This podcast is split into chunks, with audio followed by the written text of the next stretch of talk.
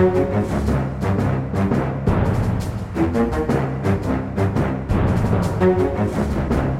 Ok, Sånn, da er vi i gang med denne ukens Aftenpodden. På plass i studio alle sammen. God dag, god dag, Trina Eilertsen. god dag. Er du ferdig med ledersamlinga di? Absolutt, med god margin. Ja, ikke sant? Ser veldig sånn effektiv og klar ut. Klar Nå har jeg jobbet med struktur, effektivitet og målrettet uh, virksomhet, så nå blir det ikke noe fjas. Nei, men faktisk, da, da, har kommet, da har det kommet til feil, uh, Ja, feil så- men jeg skal ha en pause akkurat nå. Ja, for det, ja, det er litt pause her, uh, og det tillater vi oss. God dag, god dag, Sara. Hei. Du, du er også veldig effektiv. Ja, men det er fordi jeg drikker en halv liter med cola mens vi prater. Så ja, det sier litt, eh, så kan folk gjette hvorfor jeg gjør det. ja, men det er bra. Vi satser på at dette går helt eh, strålende. Kjetil, god morgen. God morgen, god morgen. Så der. Vi er her eh, alle sammen. Det har Vi er inne i litt sånn Det er en økonomiens uke i norsk politikk. I den kalenderen som, som går da, år etter år med store, store og mindre store begivenheter av stor betydning, så er jo budsjettkonferanseuka budsjettkonferanseuka en eh, milepæl. Eh, og eh, nå har de jammen vært på plass igjen, ute på Klekken.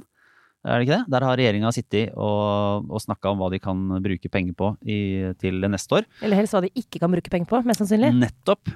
Så, så da har vi jo fått altså Klekken sånn klassisk sånn når de, når de skal ha budsjettkonferanser. Ok, vi kan bare ta det løpet. I eh, mars så samles regjeringen, eh, snakker om rammene for neste års budsjett, og så har de jo da oppfølgende liksom, budsjettkonferanser utover høsten fram til det legges frem da, i, i starten av oktober vanligvis.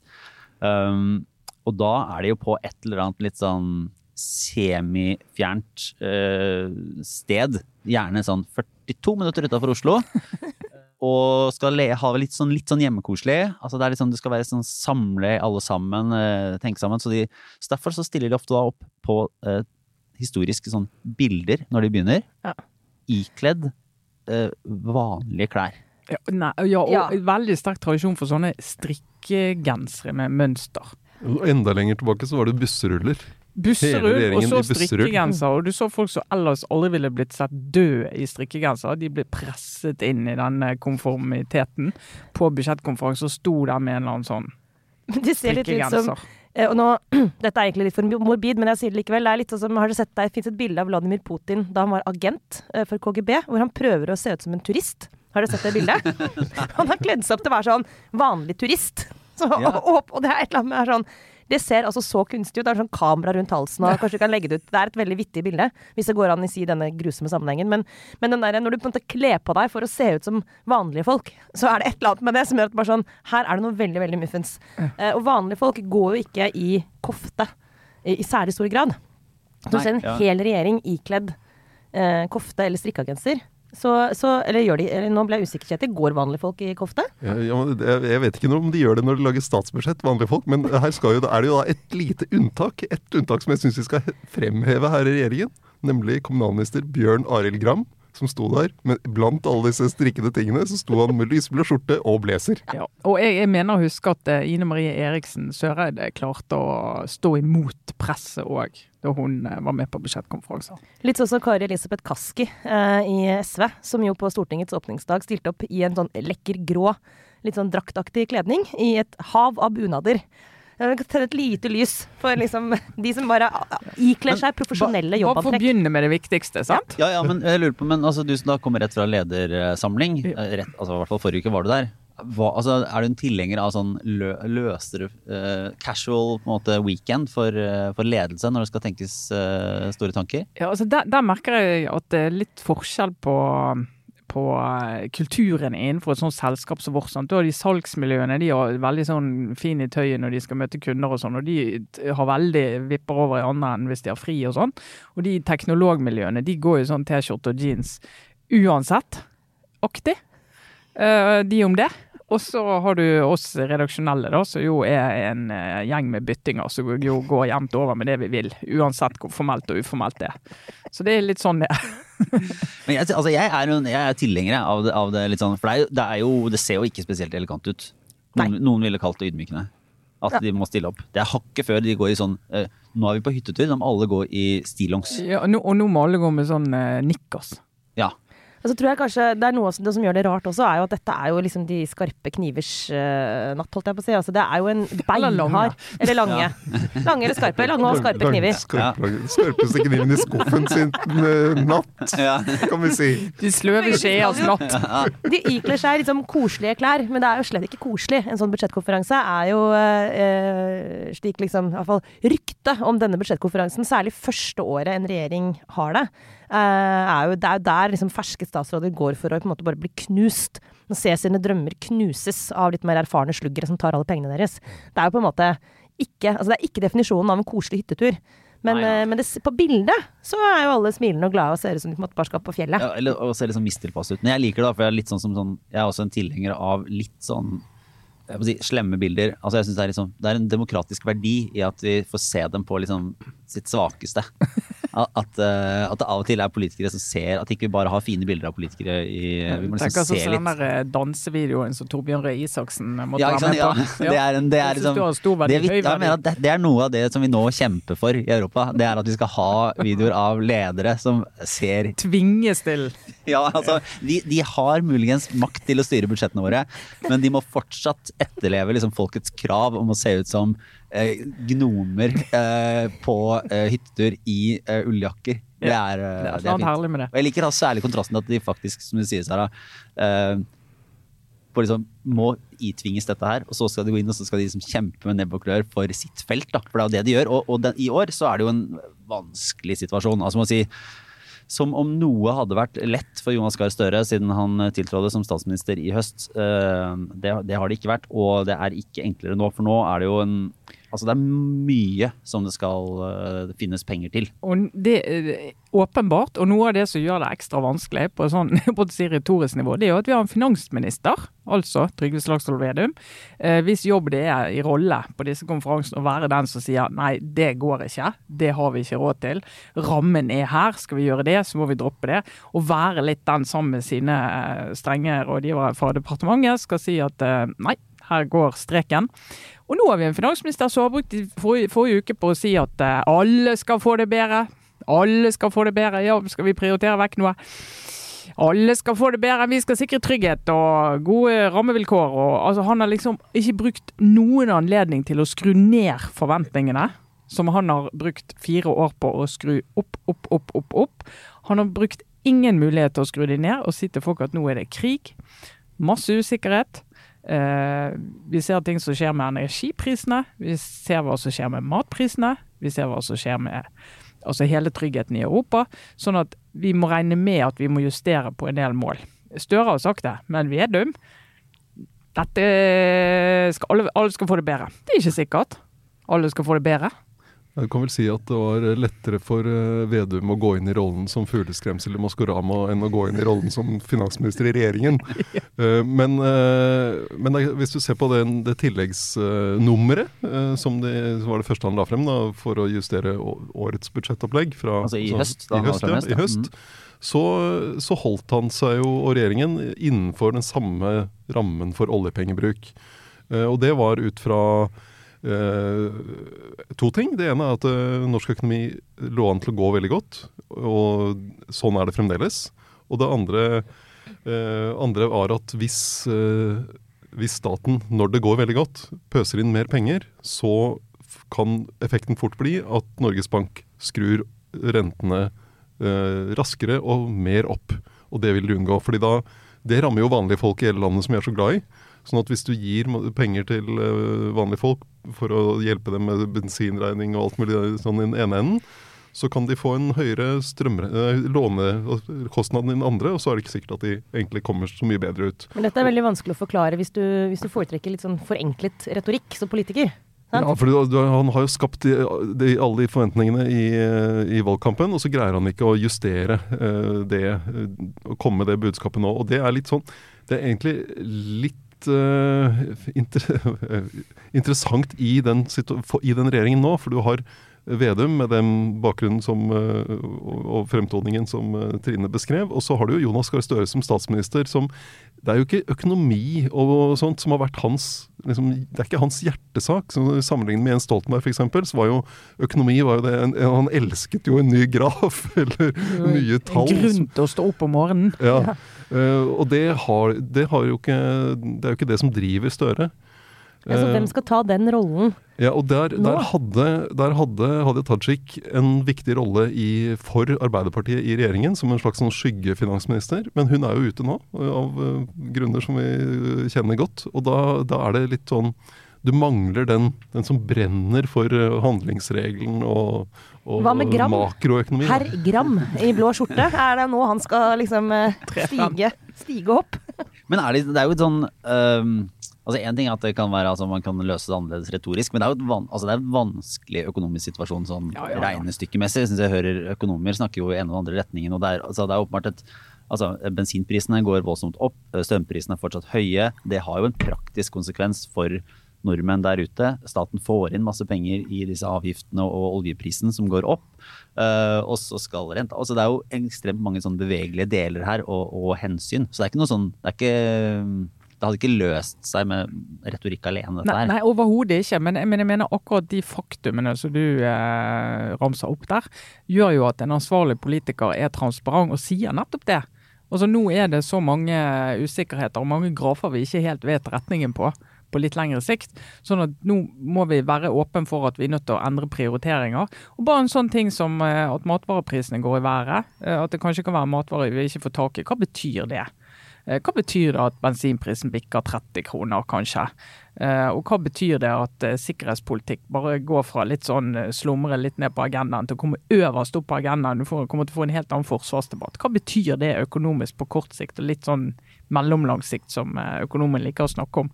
Og bare være åpen og ærlig om det, og si at dette kan komme til å endre viktige prioriteringer. Det, det, mener jeg er helt nødvendig å gjøre overfor velgere som er smarte og kan forstå det, kan bli frustrerte. Men de, må jo få, de, må, de forstår det jo. Mm. Det var jo Støre, Klok som, som, gikk ut og sa at vi får ikke gjennomført hele Hurdalsplattformen. Det er ting vi må utsette. Det er sannsynligvis klok, et klokt signal å sende ut. Ja, men jeg tror du må, du må bare være enda tydeligere på det. Uh, mm. For det kommer jo uh, regjeringen allerede i morgen på fredag med forslag til uh, ekstra bevilgninger til forsvar og beredskap. Og det, det, koster jo penger, og jeg tror det vil være bred forståelse for at eh, det er riktig å gjøre. Å bruke de pengene riktig og finne ut hva som er viktigst og hva som er, funker best akkurat nå. Men det gjør jo at det blir mindre rom til andre ting.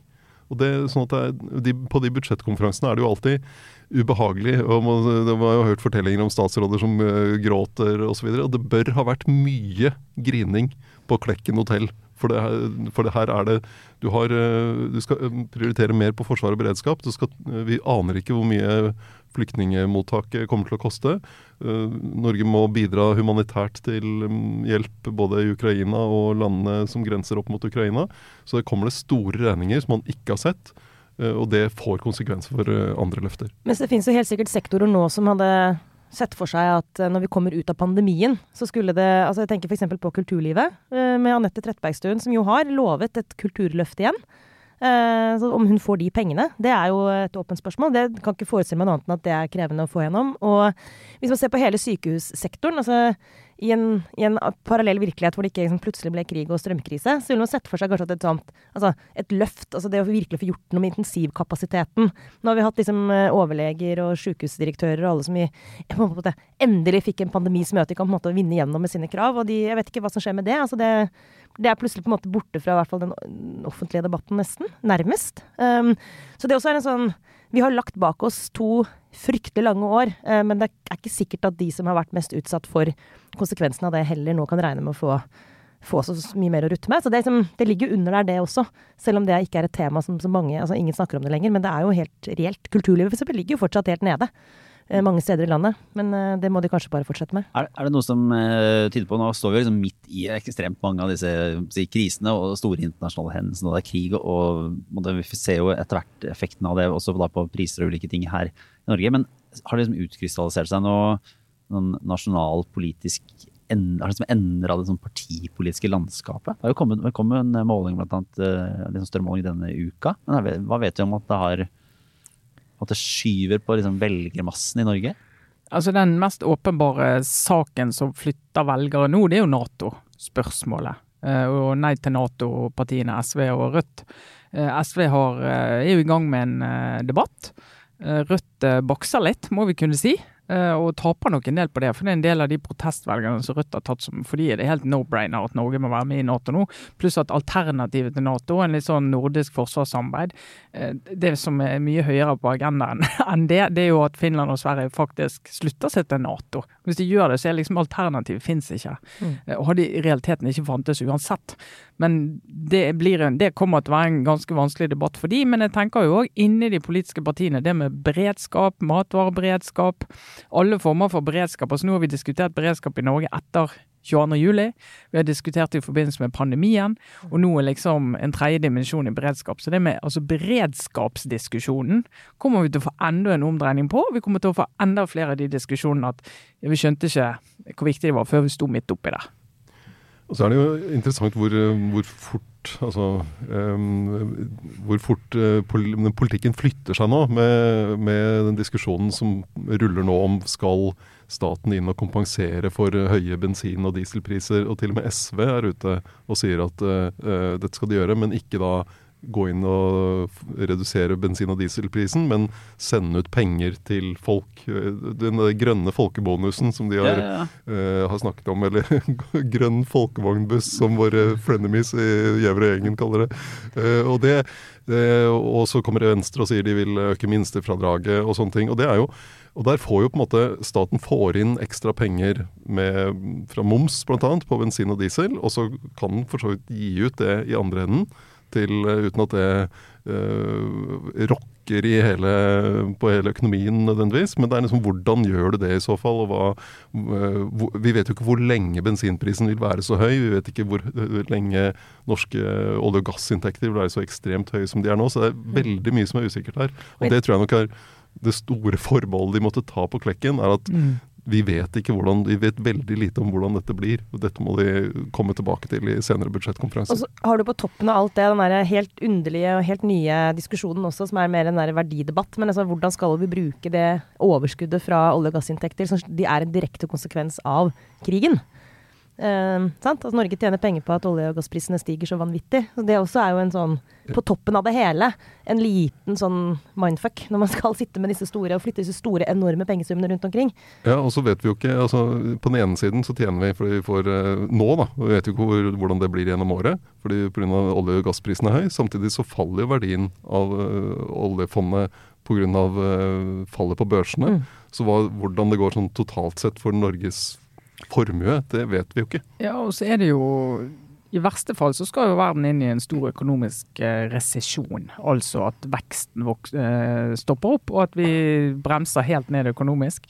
Og for igjen, altså, jeg vet vi har snakket om det før, for et lite land i verden som Norge, som er helt avhengig av eksport, og da olje og gass er bare en del av det, så er det helt krise økonomisk, sant? Åh, nå merker jeg sånn her, nei, nei, jeg orker ikke en sånn stor økonomisk resesjon. Nei, det kan det, det, nei, det her uh... Sorry, Lars. Ja. Det kan altså Ja, nå, nå, skal vi ikke begynne å snakke om Kina og alt. Hvis noen virkelig roter det til nå, så Jeg var så dum i dag morges at jeg, jeg, jeg gikk faktisk inn og leste Wikipedia-artikkelen om Husker dere Francis Fukuyamas The End of History? Ja, Men det var litt fælt, for det var som å se på et sånt, uh, sånt album, og det var en lykkelig tid. Og så ble det egentlig bare fælt å lese det. Altså, det kom jo ut i 1992, det var et essay først, da. Uh, jeg skal ikke gå langt inn i det, men bare hele den ideen om at nå har vi kommet til det punktet hvor de liberale demokratiene for alltid vil ha hegemoni. Og nå blir det ikke noe mer. Nå er, vi, vi er der, folkens. liksom. Ufattelig nærsynt. Det handlet egentlig bare om altså, Han tok ikke inn over seg på en måte at islamisme finnes, eller at Kina eksisterte som en supermakt. Ja. Men uansett, da. Bare den, der, bare den følelsen av å lese liksom, åpningen på det essayet nå, og bare tenke sånn Hvordan er det mulig? Kunne, altså, hvordan kunne dette liksom bli den mest feirede politiske eller filosofiske teksten. Men altså, det var, var 90-tallet. Det, det var jo helt det, det var det vi drømte om. Det var drømmen vi bar på. sant? Etter eh, kald krig og etter at Europa var delt med jernteppe og alt dette. Og så var det vi ferdig med det, og så så vi på en måte at nå er det vekst, liberale demokratier. Det var de som vant. Nå er antallet liberale demokratier blir færre og færre for hvert år. Ja. De er absolutt mindretallet i verden som lever i det vi kaller et liberalt demokrati. Altså et land med en fri presse, med frie demokratiske valg, og der du kan få lov å leve livet ditt fritt. Eh, De blir færre og færre. Eh, Og det er bare å sitte og gruble på. Hvorfor endte vi der? Eller bare se på TV og tenke på noe annet. Neida. Jeg tror eh, jeg, jeg leverer et godt, men ubekreftet rykte for å vise at noe faktisk går framover her i verden. Eh, dette er jo da en post som, som dessverre kommer litt for sjeldent eh, om dagen, men, eh, men Det er for lite sladder. det er for lite sladder, så det, det tar vi selvkritikk på. Og satser på at kanskje med våren og, og tross alt lysere tider, så vil vi også kunne levere litt mer av bare informasjon som kanskje ikke har sånn veldig stor betydning, men som kan være med å berike dagen litt. Så da kan vi jo si noen ting går framover. Rødt stortingsrepresentant Mimir Kristiansson, etter to forsøk, nei, altså på tredje forsøk, etter å ha feilet to ganger, så har han nå fått lappen. Eh, Gratulerer. så gratulerer, Mimir. Eh, nå kan han eh, nyte godt av liksom, på helt egne vegne de høye bensinprisene. Og, og kjempe mot eh, for noen slags eh, tilbakebetaling til det stakkars kjørende folket. Så det er i hvert fall, eh, i hvert fall greit. Så lurer jeg på om vi går videre, bare for å bryte litt med End of History og uh, I helt tatt darkness. Vi skal ikke gå over til tredje verdenskrig, liksom. Vi bare går Nei, videre nei, nei, altså, la oss, du, Neste uke vet du hva vi skal jobbe for neste uke? Prøve å se om det finnes noe lyspunkt i dette. Det er vi nødt til å jobbe for. Ja. Det, Jeg har fått en del tilbakemeldinger fra litt sånn lesere og en lærer òg som tok kontakt og sa vet du, nå er det så vanskelig å snakke med eh, elevene mine om dette. Og når f.eks. Aftenposten skriver er har faren for atomkrig økt, Ja. og en tenåring leser det, så går det litt i grått og det blir vanskelig å få en fornuftig diskusjon. Eh, Sånn at eh, vi skal anstrenge oss neste uke for å se om det finnes noe vi kan snakke om av lyspunkt, og ting som kan komme godt ut av dette. Og jeg vil i hvert fall bare si det, at når vi skraper bunnen Tenk de gangene verden har skrapt bunnen før. Andre verdenskrig, første verdenskrig Første verdenskrig, ikke, ikke ta med den. Men andre verdenskrig. Så gikk det jo opp etterpå, på et eller annet nivå. På et eller annet nivå. Ja, det blir ikke noe bedre nå. Det blir bare mye verre. jeg liker den. Husk når du skrapte bunnen i første verdenskrig. Så var det sånn å, Nei, for det når, du, når, du, når du Ja, trenger å si første, så er det Ja, en dårlig ja, drit i første verdenskrig. Ja. Vi kan snakke om. Jo, men du, en silver lining helt reelt er jo eh, om vi endelig klarer å kvitte oss med avhengigheten av eh, olje og gass. Ikke sant? Det grønne skiftet. Kjetil, kan ikke du forberede et foredrag neste gang eh, om liksom at dette, denne krigen er tross alt det vi trengte for at verden skal ta et stort skritt inn i fornybar. Jeg håper det stemmer. Vær så snill å si at det stemmer. Det, du ser det i hvert fall i hvordan EU snakker om det nå, så er det jo det å akselerere den overgangen. eh, for at, at de ser behov, behov for det. At det handler ikke bare om eh, utslipp, men det handler også om energisikkerhet. Bare litt atomkraft i mellomtiden. Ja, det, Jeg tror veldig på fisjon. Heia det. Ja, Mm. jeg tror på sånn uh, thorium. Thorium Det, også. det er jo Ja. har det vel krigen vært litt dårlig reklame for atomkraftverk sånn, eh, sånn generelt, men, eh, ja, men det gikk jo bra. det gikk jo bra foreløpig, så det er et Ja. lyspunkt. Nei, nei. Vi, eh, vi tar en eh, liten runde obligatorisk refleksjon. Jeg vet ikke om du har lyst til å begynne, Sara? Jo, jeg kan jo holde meg litt i Det er ikke lyspunkt, da, men eh, irritasjon Ja, kan men jo brukes til altså, mye. Vi går over til det, og så kan vi jo si sånn I en stor verden der ting kan se veldig sånn fælt og, og veldig veldig negativt ut, så er, jo, så er det på en måte en sånn Vi kan jo nyte de små irritasjoner.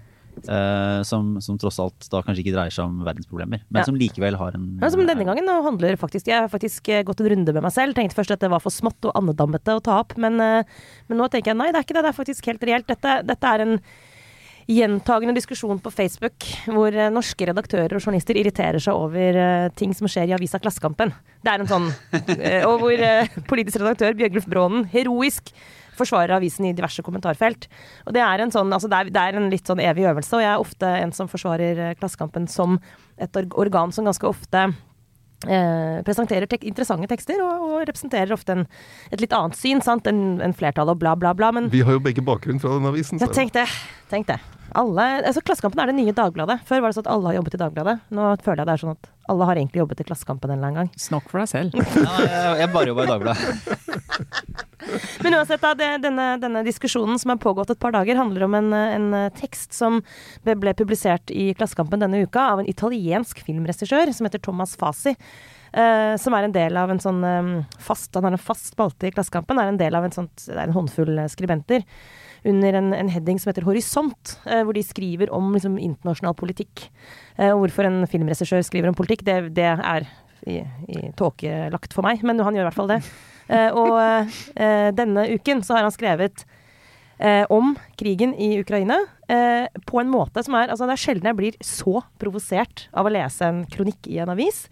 Men kortversjonen er at han, han skriver om at endelig fikk eh, vestlige ledere den krigen de har drømt om. De blir opprømt. Var vel ordet han brukte. Ja. At eh, nå blir liksom eh, ledere altså, eh, i USA og Vest-Europa da, opprømt, og at de endelig får den unnskyldningen de har drømt om for å kunne liksom, eh, fortsette militariseringen eh, av, av verden, rett og slett. Ja. mhm. Eh, og så er det jo på en måte en, en, den klassiske historien som, som dessverre ofte er en gjenganger liksom i hva skal vi kalle det for noe, liksom koko- koko-venstre, som er at det finnes, Det er én stor satan her i verden, og det er USA. Uh, og enhver anledning man får til, liksom, til å få bekrefta det verdensbildet, bruker man. Og så, og så nevnes jo ikke da det faktum at, liksom, at Russland har invadert et land og bomber, liksom, bomber barn og babyer til døde. As we speak. Nei, for det blir på en måte bare et politisk verktøy i For det er bare litt sånn forstyrrende faktum, det, da. Ja. Ja. ja. Og, det, det, det, og jeg kjente først at jeg sa men herregud, drit i det. Men så tenkte jeg nei, vet du hva, jeg driter ikke i det. For at det, det eh, verdenssynet som han Fasi representerer eh, Jeg tenkte på på vei hit i dag, hørte jeg på The Daily fra mandag denne uken, New York Times sin podkast, som handler om eh, det mediebildet eh, som russiske borgere blir presentert for Mm. eh, nå for tiden. Det er intervju med, med en mann som bor i Kiev, som forteller at han har faren sin i Russland. Det er veldig mange som har familie i, i Russland som bor i Ukraina, så det er jo veldig tette bånd. Og, og han refererer samtaler han har med sin far nå, etter at krigen startet, hvor han forteller sånn 'Pappa, det, bombene faller rundt oss, mange er drept'. Og faren sier bare sånn 'Jeg, jeg, jeg er lei meg for at du på en måte har mistet grep om virkeligheten, gutten min'. Liksom, det stemmer ikke. Ja. Og så sitter han der i Kiev og, og snakker med sin egen far, som faktisk, men, men faren har ikke tilgang til den informasjonen. Og, og ikke har hørt på den podkasten. I lys av det tenker jeg sånn Russiske medier er sensurert av staten, eller er kontrollert av staten. Men at en fri norsk avis presenterer og med åpne øyne det samme forkvaklede verdensbildet og setter det på trykk, Mm. det er faktisk ikke bare en bagatell. Det er en ekstremt dårlig vurdering, som jeg tenker at de fortjener kritikk for å gjøre. Men, men bare hvorfor er det en dårlig vurdering? For i utgangspunktet så er jo altså debattspaltene er jo åpne, og man vil jo ha ulike syn. Ja, altså bare for å ta det. Jeg tror det de Veldig mange aviser i hvert fall som har debattsider eller debattrom, eh, vil si og mene, det at vi eh, publiserer innlegg og meninger som ikke er, følger avisens linje. Altså det, det må du kunne gjøre. Hvis ikke, det er ikke vits å ha debattsider. Da kan du jo bare ha lederartikler. da. Sånn at eh, Hvis du skal ha debattsider, så må du åpne opp for meninger som går ganske solid på tvers av både flertallet og avisen sjøl og alt det. Eh, men eh, så har du litt sånne lag her. Hvis du f.eks. har en fast tilknyttet skribent, eh, så vil det ofte stilles større krav på den måten at du har en diskusjon som handler om litt sånn kvalitet, og handler om måten du resonnerer på. Du har liksom mer sånn frem og tilbake-diskusjon i redigeringsfasen. enn du kanskje har med vanlige debattinnlegg. Men selv vanlige debattinnlegg så kan du utfordre debattanten og si du er du sikker på at du skal ta med det poenget, for det kan gjøre at reaksjonene handler mer om det du skriver der, eller utelater, enn det som egentlig fremstår som å være ditt hovedpoeng. Så du kan ha den diskusjonen for å heve kvaliteten på innleggene. Da. Så du kan ha en dialog med debattanter. Så er det noen som ikke er interessert i den dialogen og vil bare det skal stå sånn.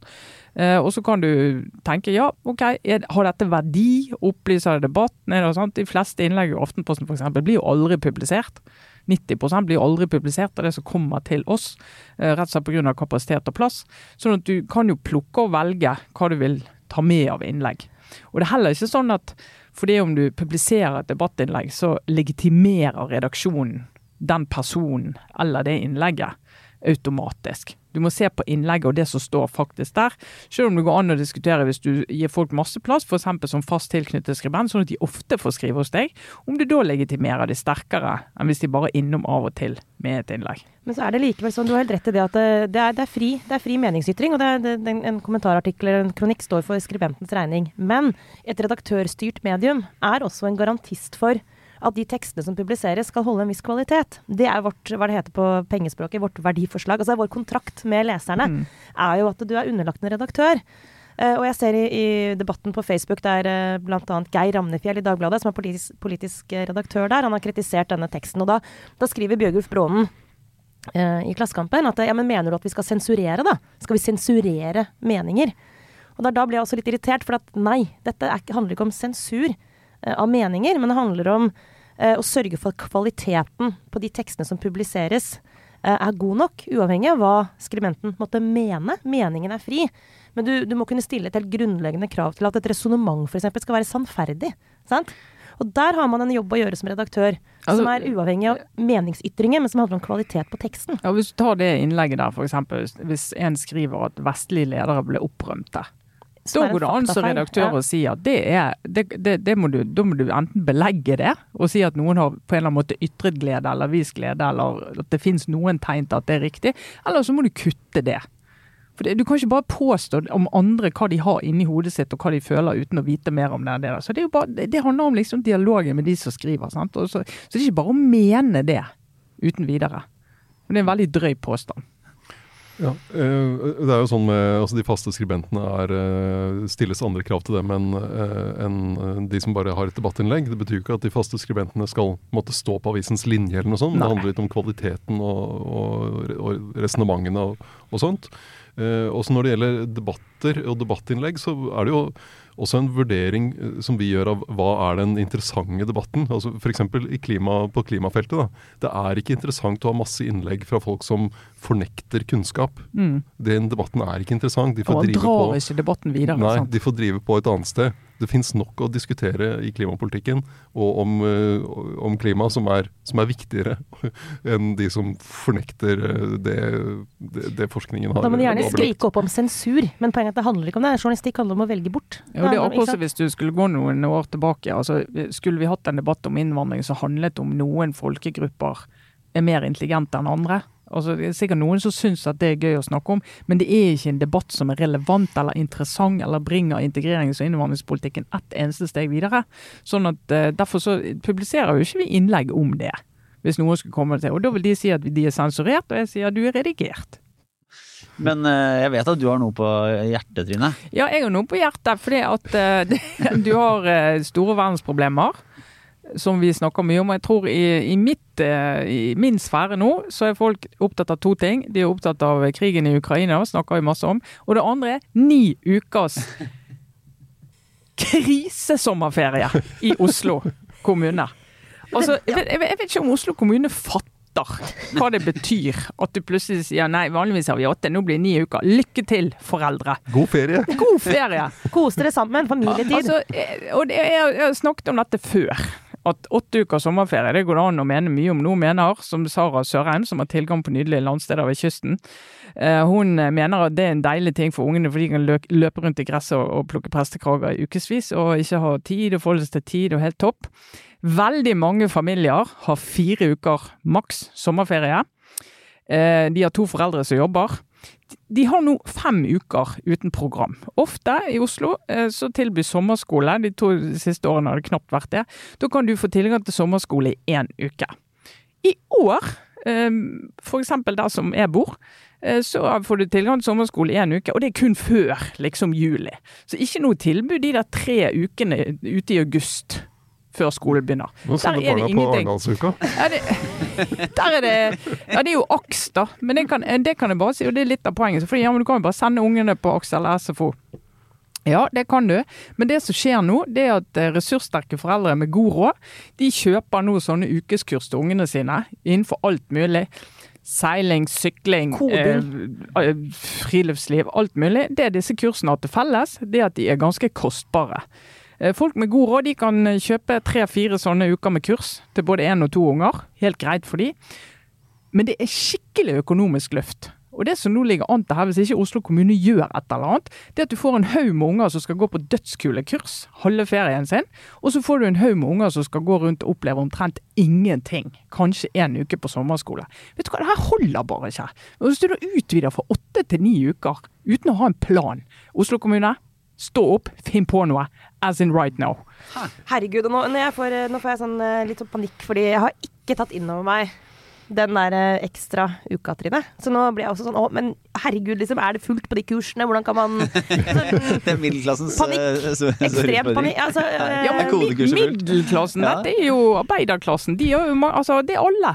Ja, ja, ja, etter disse, men etter disse to årene òg. altså av alle sommerferier at da, Sommerferien 2022, etter to år hvor ungene bare strengt tatt har vært Altså det har vært altså så mye bare sånn ren oppbevaring av kids rundt omkring. Ja da. Og bless Altså jeg mener, de Men det på det AKS de gjort det de kan, men Ja liksom nå hadde det vært veldig fint om vi kunne unngå liksom nok en sånn Men poenget er at nå blir det, det, hvis, det no, hvis det er sånn at dette byrådet, da, og de sier f.eks. det at i den delen av byen som jeg bor, da, der har de sikkert sett på inntekt og utdanning, og da trenger ikke de eh, barna så veldig mye tilbud, for det er jo mye mindre enn det pleier å være. Så, så, så bare går du inn i den bydelen, og så øker du forskjellen enda mer. Fordi at der er det noen som vil ha råd til å gjøre masse masse kule ting, og så er det noen som ikke har det. Jeg forstår det ikke. Men, men er det Dette er jo eh, fram i tid da, for, eh, for de, de oss som har barnehagebarn, som kan stort sett holde på en god stund uh, der. Men, men altså, forskjellen på åtte uker og ni uker er jo ikke sånn helt vanvittig. Så du, mener, du ville egentlig da at det kunne vært sånn Altså sommerferien skulle vært ganske mye kortere? Nei, men fire, altså Åtte uker det er vi vant til, og det liksom har jo disse foreldrene De klarer hvert år å pusle det sammen. Så jeg mener jo det er en forskjellsdimensjon i det og når tilbudet er så uh, ulikt som det er, både på tvers av bydeler og alt. Men ok, det er noe der. Men når du legger på en uke for folk altså Jeg, jeg kjenner uh, familier som de, de, Det er et kjempeproblem for de bare å få feriert en uke sammen nå. sant? Fordi at de skal prøve å strekke og lappe og holde på. Og bare det å, å, å øke med én uke, det er dramatisk mye for folk. Det er det som gjør at det rakner, da. Og, det, og begrunnelsen for det. La meg få lov å lese, og så, så kan dere høre om dere forstår dette. Eh, eh, kommunikasjonsdirektøren i Utdanningsetaten også forklarer at dette er fordi de må tilpasse skoletidsplanen til eksamensplanen. Ja. Det er jo ikke eksamen i barneskolen. Fellessensuren for eksamen kommer sent i 2023, og for å unngå at elever møter stengte dører når de får karakterene sine, måtte vi legge skoletidsplanen slik denne gangen. Det er viktig for oss at vi kan følge opp elevene våre når de får sine eksamensresultater. What? God natt! Det er sånn Tommyball. Det er, helt, det var rett og slett umulig å forstå. Lars, du må bare passe på å begynne å planlegge tidlig. For nå er jo, du, men det går jo greit for deg, for foreldrepermisjonen er jo blitt så vanvittig lang og fleksibel. Så du må bare spare noen av ukene, sånn at du har til både de lange sommerferiene og til eh, å øvelseskjøre med ungene når de skal ha lappen. Ja, ikke sant? Det er godt, det er godt å kunne drive, drive lang, lang planlegging. Øvelseskjøre med ungene. Skal bare kjøre trikk, de. Det går bra. Trenger ikke bil i Oslo. Nei. så er det ja, er det deg, Kjetil? Jo, eh, jeg har vært på kino. Ja, Eh, bra. sett to filmer. Eh, ta den første først. Nye Batman-filmen.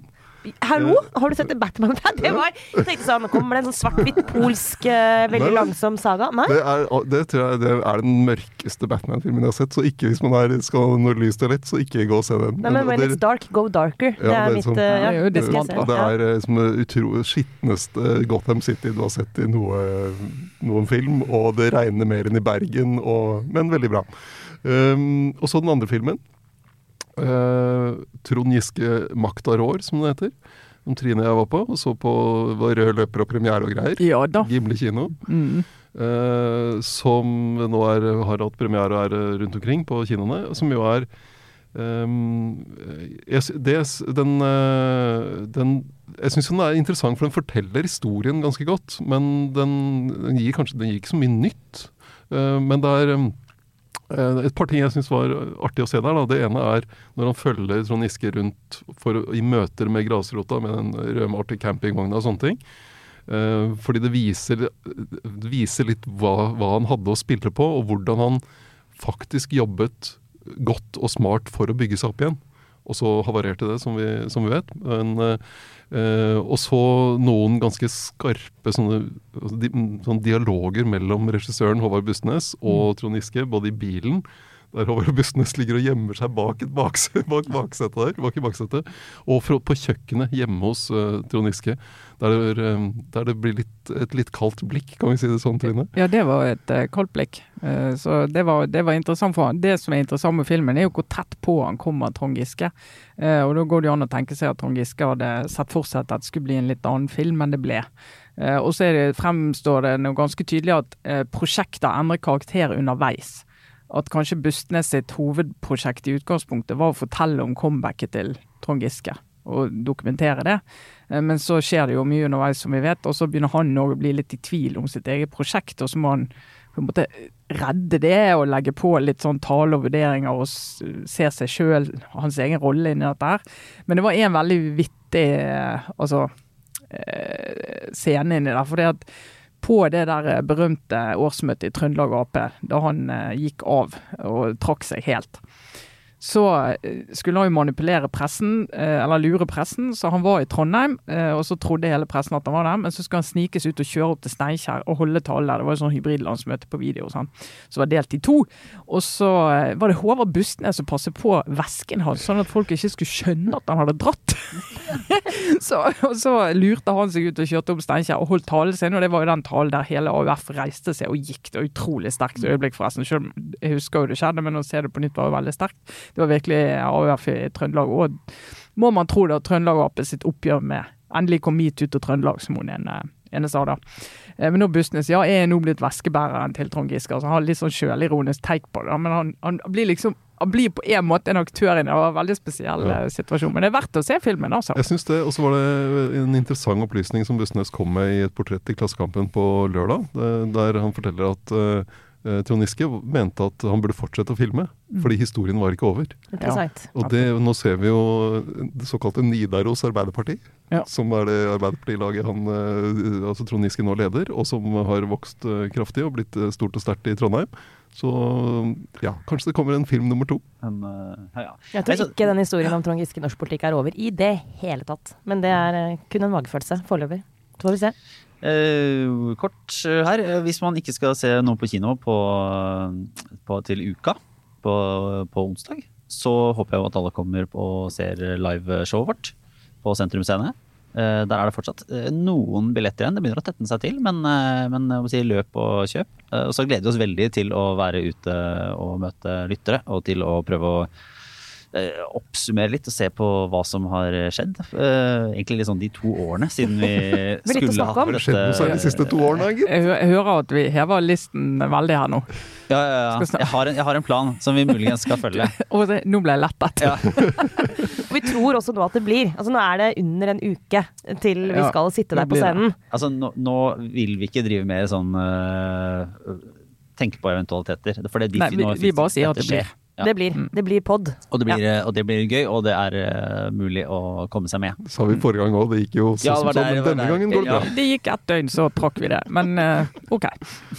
Ikke, ikke, ikke tenk på resesjon og verdens undergang nå, Trine. Det her, øh, du skal komme som peppa ut av sånne Ja, vi, vi rekker ikke å få resesjon før onsdag. Nei, nei, nei, det er bra. Og, og skulle det komme, så er det veldig bra aktualitet. Veldig. Uh, det er mye å sånn snakke om. Ja. Fin knogg. Så, nei, så det gleder vi oss til. Eh, Og så vil jeg bare anbefale en eh, ny podkast som, som eh, dere som hørte hørte i helgen, også fikk i eh, egen, eh, egen feed. Altså den, eh, den nye podkasten som heter Fortalt, som er historier en i uka. Hver søndag så kommer det en ny episode. Så kan du bare anbefale å, å gå inn og høre den første, hvis man ikke gjorde det. Eh, Eller så kommer det en ny en nå på, på søndag. Og det kan man da høre på ap.no eller hos Podme, som er Skipstedets nye sånn podkastplattform. Er det en app? Må man laste ned en app? Eh, Det er en app som man laster ned. Og du må abonnere på. Ja. Men eh, Aftenposten-abonnenter, og i og for seg VG Pluss-abonnenter og de fleste andre Skipsted-abonnenter, kan nå få eh, Podmy gratis. Eh, inkludert i abonnementet sitt, i hvert fall fram til august. Eh, så, sånn Og sett logge på som seg selv. Og logge på som seg selv. Nettopp, dette skal jeg klare. Så, så det er fullt mulig, og da får du både de podkastene du hører på ellers, altså du får jo alle liksom, som bare er der ute i verden, og så får du alt det som uh, fins av eget innhold fra Aftenposten og andre skipsstedaviser, og sånne mm, kjendispodkaster som eh, Ja, Papaya, tidligere Radioresepsjon finnes der, og Og sånn Herman. Flesvig finnes der, og Tusvik og Tønne finnes der. Og Harald Eia og Tore Sagen og sånn. Ja, ja, ja, altså, Altså mange hvite menn som snakker sammen på en gøy måte. ja da. det er, ja, det, hvis, det er, uh, hvis, hvis det er en del av, uh, av opplegget, så får det. Men, det, men dette skal vi prøve å gjøre noe med, Sara. Ja. At det blir litt mer balanse.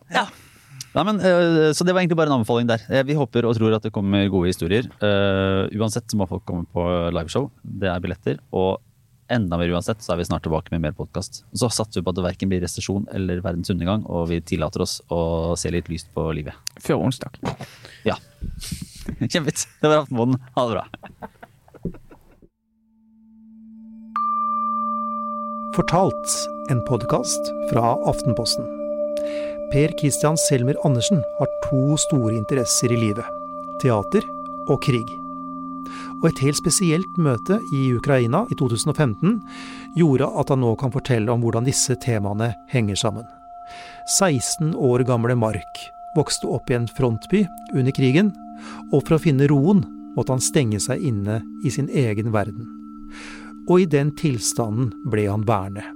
Helt til den lille byen fikk besøk av noen kunstnere som endra livet hans for alltid. Hør historier som overrasker hver uke i Fortalt, hos Podme og i Aftenposten-appen. Og nå får også alle abonnenter gratis tilgang til Podmy.